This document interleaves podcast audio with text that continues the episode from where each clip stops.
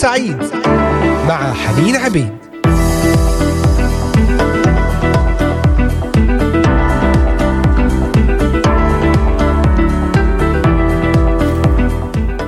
أهلا وسهلا بكم متابعينا ومستمعي برنامج نهاركم سعيد في هذا اليوم من هنا من إذاعة صوت الأمل أجمل وأطيب التحيات لكم جميعا. معكم حنين عبيد وحلقة جديدة من برنامج نهاركم سعيد والجزء الثاني من سلسلة أقوال وتعليم الرب يسوع المسيح. تابعونا واستمعوا إلينا على قناة اليوتيوب إذاعة صوت الأمل بث مباشر وعلى تطبيقات الهواتف النقالة Voice of Hope Middle East وعلى موقعنا الرسمي voiceofhope.com تابعونا وتواصلوا معنا على صفحة الفيسبوك إذاعة صوت الأمل. اكتبوا إلينا بتعليقات ومشاركات أفكار وطلبات صلاة. أيضا على منصتي التليجرام والإنستغرام Voice of Hope وعلى منصة سبوتيفاي اليوم سنتحدث عن شخصية يسوع، يسوع الذي أبهر الجموع وأبهر المعلمين في عصره. لماذا تميز شخصية الرب يسوع؟ لماذا كان معلما كما يقول الكتاب ينبهر الجميع من تعاليمه؟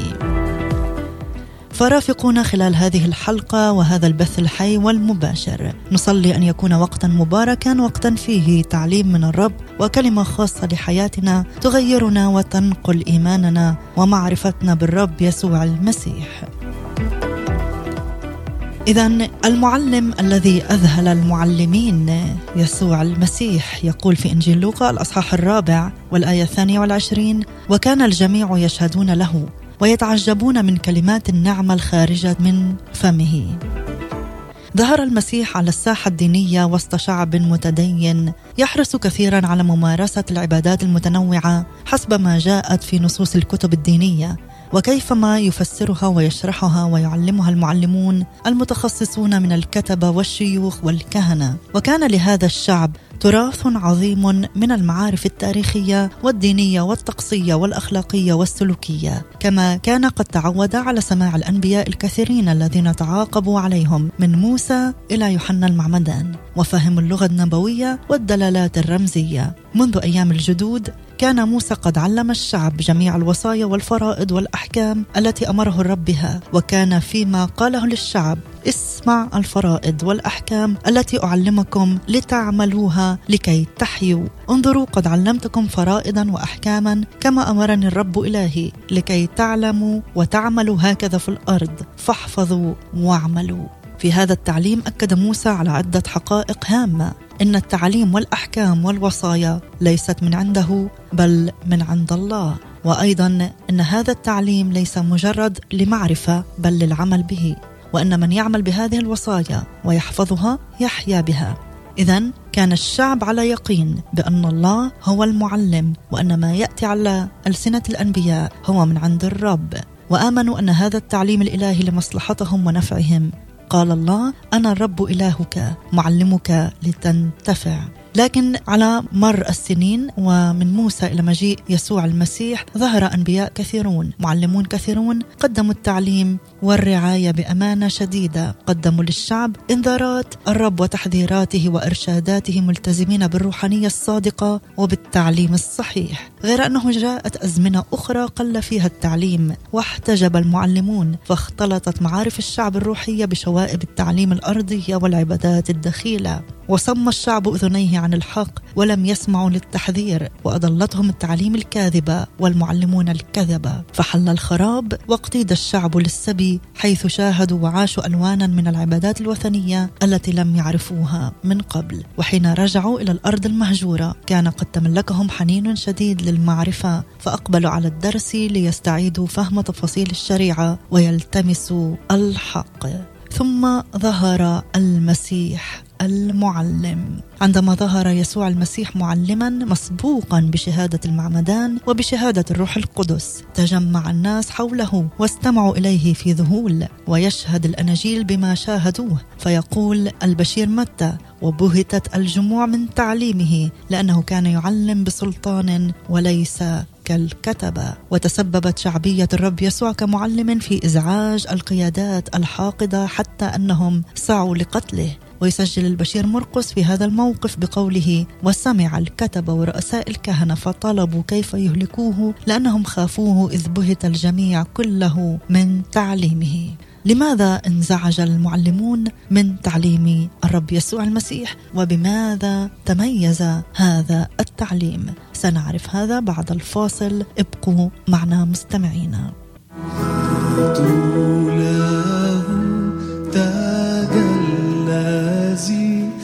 جل عن المثل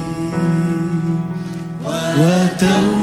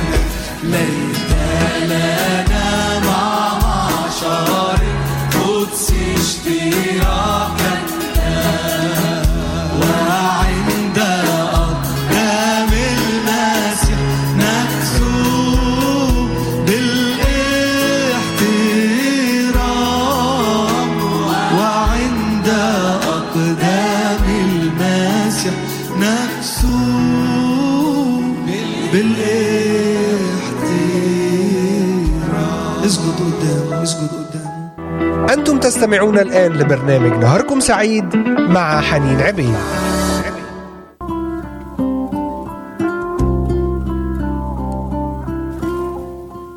عدنا إليكم أحبائي المستمعين ونتحدث في هذه الحلقة ضمن الجزء الثاني من سلسلة أقوال وتعليم الرب يسوع، الرب يسوع المعلم الذي أدهش الكثيرين حيث تسببت شعبية الرب يسوع كمعلم في إزعاج القيادات الدينية حتى إنهم سعوا لقتله. ويسجل مرقس هذا الموقف بقوله وسمع الكتب والفريسيون ورؤساء الكهنة فطلبوا كيف يهلكونه لأنهم خافوه إذ بهت الجمع كله من تعليمه. لماذا انزعج المعلمون من تعليم المسيح؟ اولا لأسباب شخصية. فقد استأثر المسيح بإعجاب الجماهير حتى أحست القيادات الدينية أنه يتحول سريعا إلى زعيم يجتمع حوله الجميع وبالتالي ينفضون عنهم. جاء لهم الأتباع بتقرير قالوا فيه لم يتكلم قط إنسان هكذا مثل هذا الإنسان ولم يكن الرب يسوع يبحث عن زعامة أو رياسة فليس في رياسات الأرض شيء يساوي مجده الإلهي الذي تنازل عنه طوعا. لكنهم لم يفهموا ذلك فأكلتهم الغيرة على مراكزهم كقادة ومعلمين. وانزعجوا بسبب روح المودة والحب التي انعكست على كلمات المسيح. وفي ذلك يقول البشير لوقا وكان الجميع يشهدون له ويتعجبون من كلمات النعمة الخارجة من فمه وانزعجوا أيضا بسبب طبيعة التعليم الذي قدمه يسوع. وفي ذلك يقول مرقس في بداية إنجيله إن الناس عندما رأوا السلطان الذي يعلم به يسوع عندما رأوه ينتهر الأرواح النجسة تحيروا كلهم حتى سأل بعضهم بعضا قائلين ما هذا؟ ما هو هذا التعليم الجديد؟ تعليم جديد. بماذا تميز؟ كانت رسالة من سبقوه رسالة دينونة وإدانة وخلاصة التعليم توبيخ على الشر ووعيد بالعقاب من قبيل القول. يقول الآن وضعت الفأس على أصل الشجر فكل شجرة لا تصنع ثمرا جيدا تقطع وتلقى في النار. فجاء الرب يسوع ينادي برسالة النعمه والغفران والخلاص المجاني. كان تعليم الرب يسوع مؤيدا بالمعجزات. يقول وكانت هذه الآيات التي يجريها يسوع شهادة تأييد من السماء. وعندما التقى نيقوديموس بالرب يسوع قال له يا معلم نعلم أنك أتيت من السماء معلما لأنه ليس أحد يقدر أن يعمل هذه الأعمال التي أنت تعمل إن لم يكن الله معه.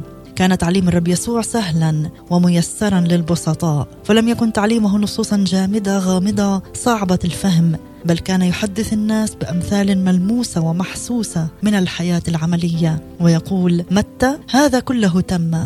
هذا كله كلم به يسوع الجموع بأقوال وأمثال وبدون مثل لم يكن يكلمهم. كشف الرب يسوع المسيح في تعليمه أسرار ملكوت السماوات فأخبر عما سيأتي كما تحدث بمكنونات منذ تأسيس العالم ولم يكن ممكنا لمعلم غيره أن يفعل ذلك. فأسرار السماء لا يعرفها الأرضيون. وجاء الرب يسوع برسالة الرجاء وفتح باب الأمل أمام البسطاء والمساكين الحزانه الودعاء والمضطهدين الذين أغلقت الأبواب في وجوههم. وقدم المسيح رؤيه جديدة لحياة الإيمان العملي من خلال الفضائل المسيحية. ما هي الفضيلة؟ سنعرف من خلال هذه الحلقة بعد هذه الترنيمة. ابقوا معنا مستمعينا الأحباء.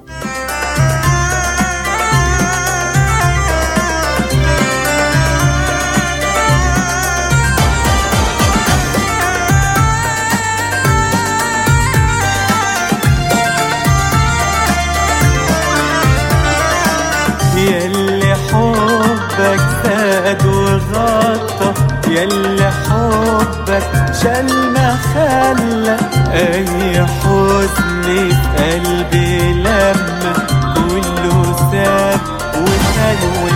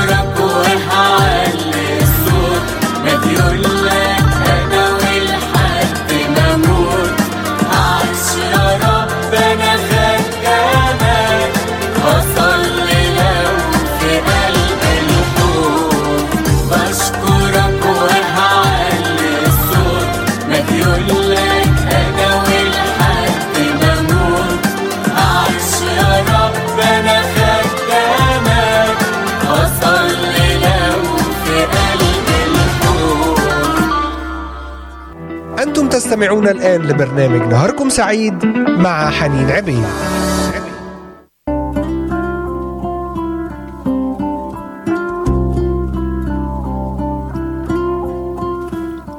قدم الرب يسوع المسيح رؤية جديدة لحياة الإيمان العملي من خلال الفضائل المسيحية. تحدث عن الإيمان التطبيقي داعيا المؤمنين إلى السلوك الذي يشهد عن فضل الإيمان في تغيير القلب. قال لسامعيه إنه لا فضل لهم إن سلكوا كما يسلك عامة الناس بالحكمة البشرية وبمنطق المصلحة بل عليهم أن يتشبهوا بأبيهم السماوي. ما هي الفضيلة؟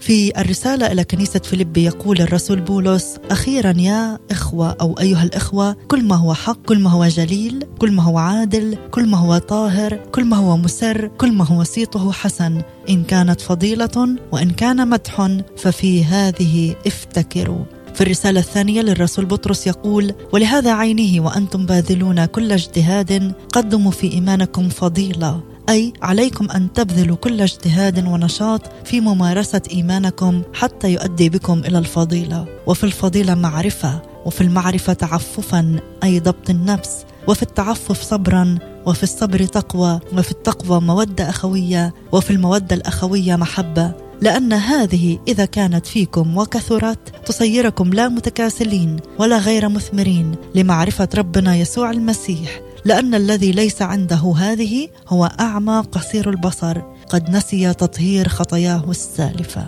في هذه الآيات وغيرها يؤكد الكتاب على عدة حقائق. أنه لا بد أن يبذل المؤمنون جهدا ونشاطا في حياة الإيمان حتى يؤدي ذلك فيهم إلى حياة الفضيلة. إن الفضائل سلسلة مترابطة ومناخ كامل من المعرفة والتعفف الصبر والتقوى والمودة والمحبة وغيرها. إن الفضائل ليست كماليات لتلميع الإيمان المسيحي بل هي صورة الإيمان المسيحي. وأنه بدون حياة الفضيلة تكون معرفتنا بالرب يسوع غير مثمرة. إن المؤمن الذي لا يتحلى بالفضائل المسيحية أعمى روحيا وقصير البصر وقد نسي أنه تطهر من خطاياه القديمة. لكن هل الفضيلة هي هذه القائمة المذكورة في الآيات السابقة فحسب؟ وما هي الفضيلة تماما؟ ما معناها؟ كانت الفضائل الرئيسية عند القدماء أربعة هي الحكمة، العفة، الشجاعة والعدالة وتسمى أمهات الفضائل فهي الفضائل الأم التي تلد غيرها وأضدادها هي الرذائل الأربعة الجهل الشر الجبن والجور فما هي الفضيلة ومن هو الإنسان الفاضل؟ يقول معجم اللغة الفضيلة في علم الأخلاق هي الاستعداد الدائم لسلوك طريق الخير أو مطابقة أفعالنا الإرادية للقانون الأخلاقي. يقول أفلاطون الفضيلة هي العلم بالخير والعمل به. ويقول أرسطو الفضيلة هي الاستعداد الطبيعي للقيام بالأعمال المطابقة للخير. الفضائل هي صورة عملية للأخلاق. أو الأخلاقيات في تطبيقاتها العملية ولو لم تكن للأخلاق تطبيقا عمليا في سلوك الأفراد والجماعات لما كان للأخلاق قيمة اجتماعية. ليس من السهل أن تحصر عدد الفضائل كما تحصر العناصر المادية فالفضائل تتنامى وتتوالد وتتحدث لتواجه. لكن ما هو تقسيم الفضائل؟ هي ثلاثة تقسيمات فضائل روحية موضوعها الرب الإيمان الرجاء والمحبة. وفضائل عقليه موضوعها الملكات العقلية التميز والحكمة. والفضائل الأخلاقية وموضوعها سلوكيات الإنسان العاقل. وفضائل شخصية مثل العفة والشجاعة. فضائل اجتماعية تتعلق باحترام نظام الأسرة. فضائل عامة تتعلق بتنظيم العلاقات بين الناس مثل الأمانة والأدب والتواضع. كيف نعيش حياة الفضيلة؟ سنعرف هذا بعد الفاصل. مع هذه الترنيمة ابقوا معنا.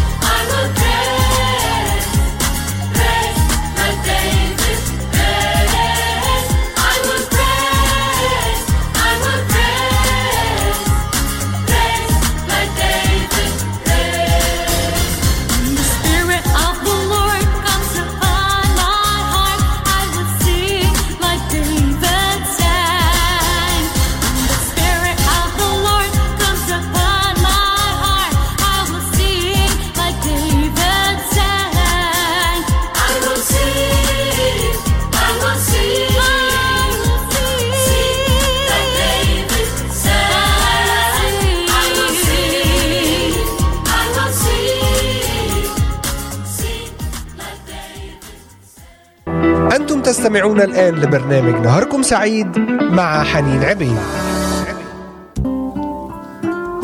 أرحب بكم من جديد مستمعينا الأحباء مستمعي برنامج نهاركم سعيد في هذا اللقاء في هذا البث الحي والمباشر ونتحدث ضمن جزئنا الثاني في سلسلة أقوال وتعليم الرب يسوع المسيح لماذا كانت تعليم الرب يسوع مميزة؟ لماذا قاومها الآخرون؟ ما الذي كان مميزا في الرب يسوع حتى جذب إليه الجموع؟ تميزت تعليم الرب يسوع المسيح بالتعليم عن حياة الفضيلة وذكرنا في القسم الأول والجزء الأول من البرنامج عن الفضيلة تعريفاتها والآن كيف نعيش حياة الفضيلة مع أن المؤمنين ليسوا سوى بشر يعيشون في أرض من الخطايا والضعفات وهم معرضون للسقطات والتعثر إلا أن انتظارات الله منهم عظيمة جدا فهو يرى فيهم نور العالم ملح الأرض. إنهم عائلة الله الذين يظهرون مجده وقداسته.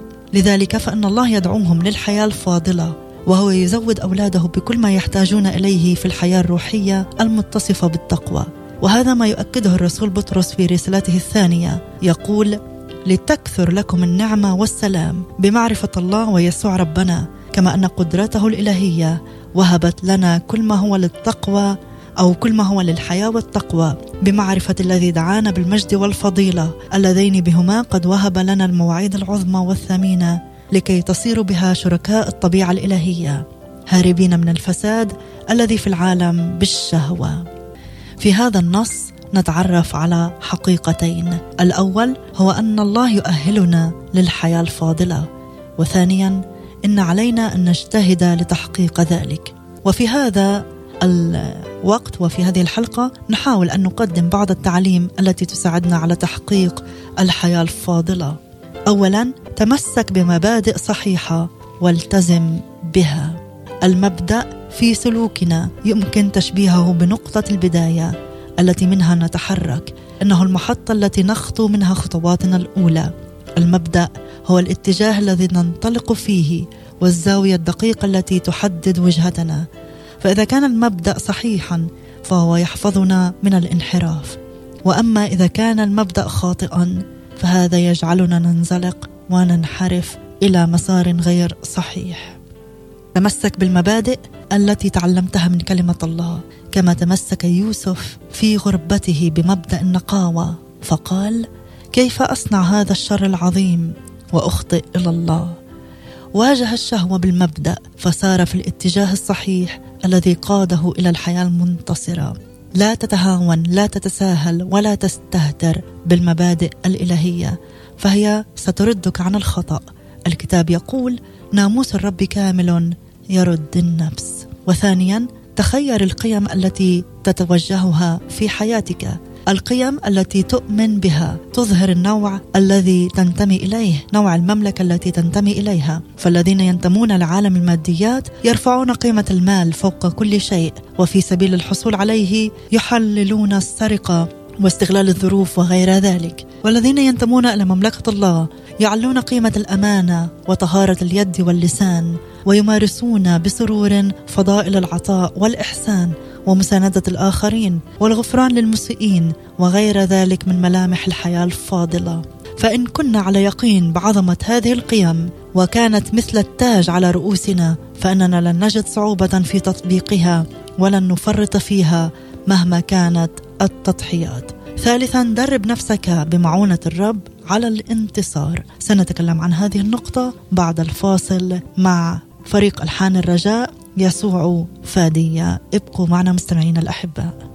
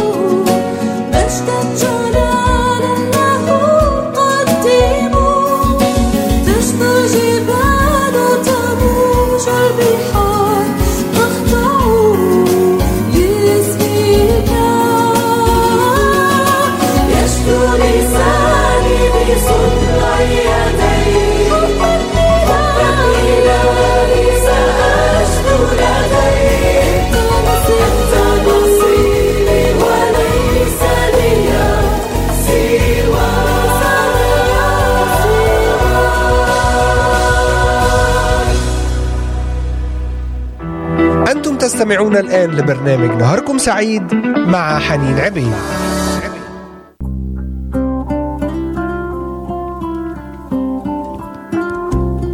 أحبائي المستمعين في ختام هذه الحلقة ضمن برنامج نهاركم سعيد والتي تناولنا فيها الجزء الثاني من تعليم وأقوال الرب يسوع المسيح حياة الفضيلة. تحدثنا في المقدمة لماذا كان تعليم الرب يسوع فريدا مميزا عن باقي التعليم السائدة في عصره. ما الذي جعل الجموع تلتفت إلى الرب يسوع؟ ما الذي جعل المجموعات الدينية يملأها الحقد والكراهية للرب يسوع المسيح بسبب تعليمه ما الذي أثارهم ضده لماذا كان تعليمهم مختلفا لأنه علم عن الفضائل المسيحية كيف يجب على الشخص أن يحيا الحياة بطريقة عملية وليس فقط تعليما سطحيا. وذكرنا قبل الفاصل كيف نعيش حياة الفضيلة.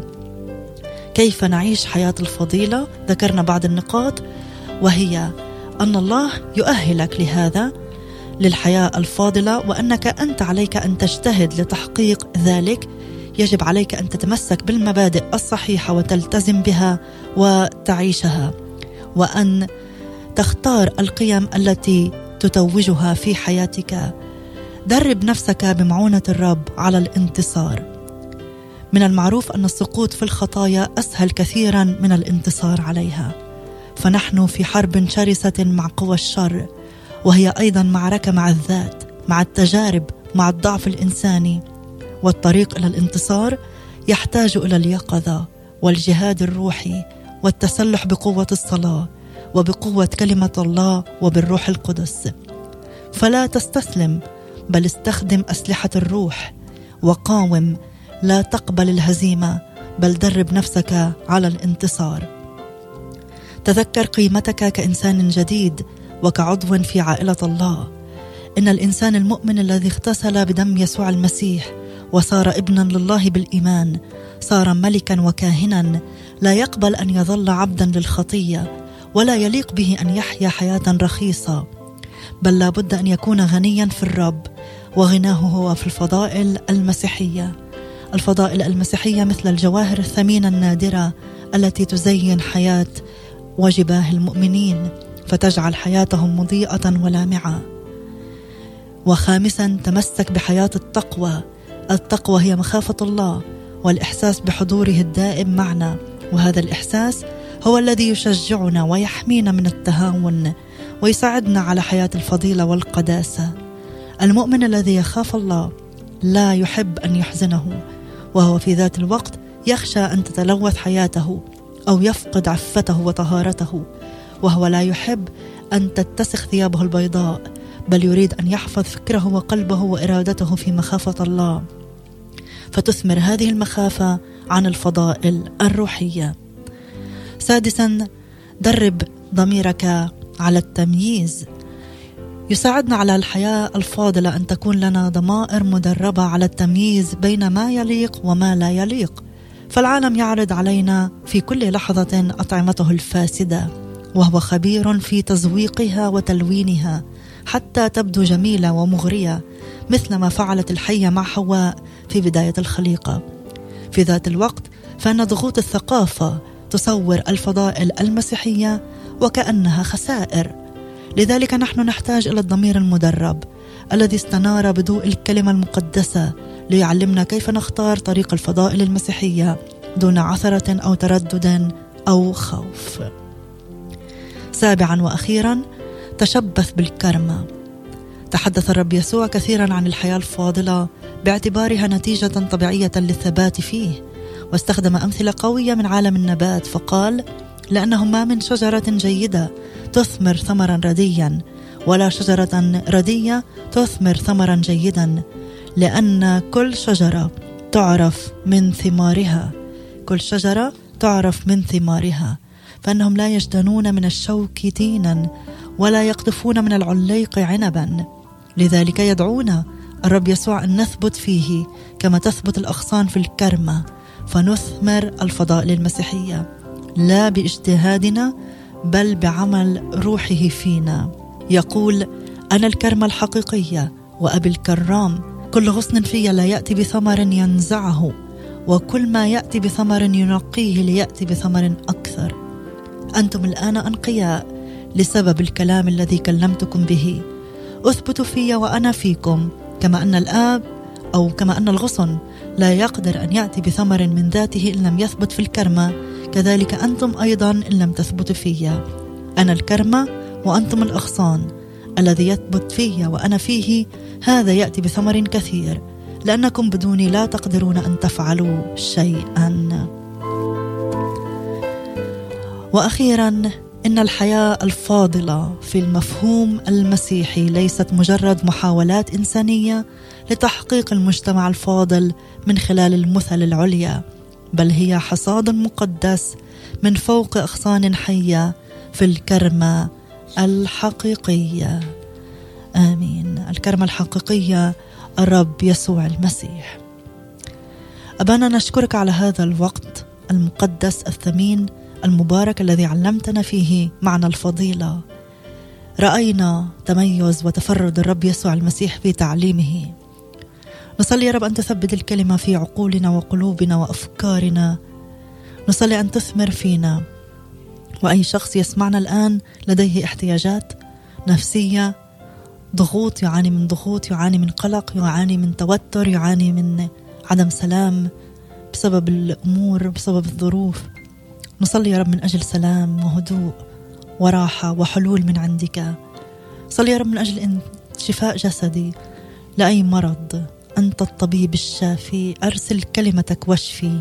يا رب نصلي من أجل حريه نصلي من أجل تثبيت الكلمة بنعمتك فينا لنثبت وسط متغيرات الحياة. آمين لك المجد والكرامة. آمين. أشكركم مستمعينا الأحباء على حسن المتابعة والإصغاء ولنا لقاء جديد بنعمة الرب يوم غد بموضوع الفضائل في الجزء الثاني سنتحدث عن موضوع المسيح وتعليمه الأخلاقي. المسيح وتعليمه الأخلاقي. ماذا علم في موضوع الأخلاقيات والفضائل الأخلاقية؟ فتابعونا غدا بنعمة الرب عند الواحدة بتوقيت الأراضي المقدسة. هذه محبتي وتحياتي لكم. كانت معكم حنين عبيد. إلى اللقاء.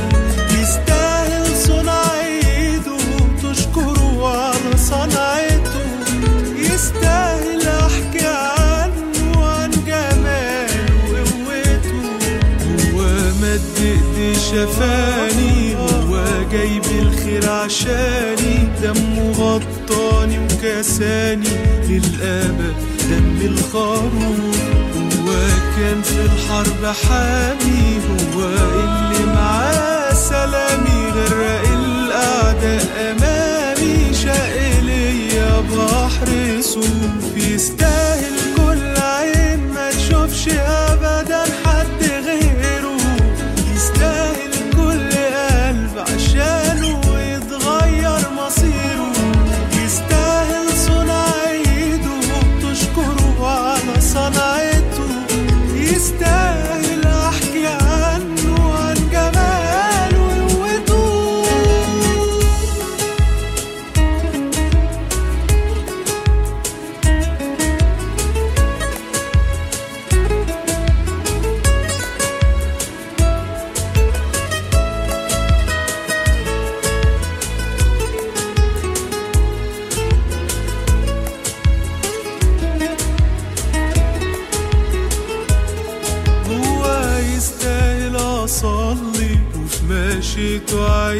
تملي السلام من فوق واصل لي السجود والشكر ليك لمسة منك بس قلبي ملي بنورك يا ربي انت أجمل شيء حاصل لي والفرح أنا عشته بيه. يستاهل كل عين ما تشوفش ابدا حد غيره.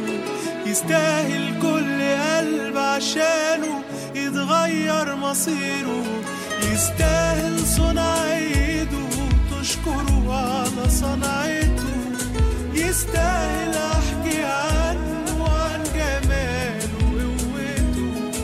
يستاهل كل عين ما تشوفش ابدا حد غيره. يستاهل كل قلب عشانه يتغير مصيره. يستاهل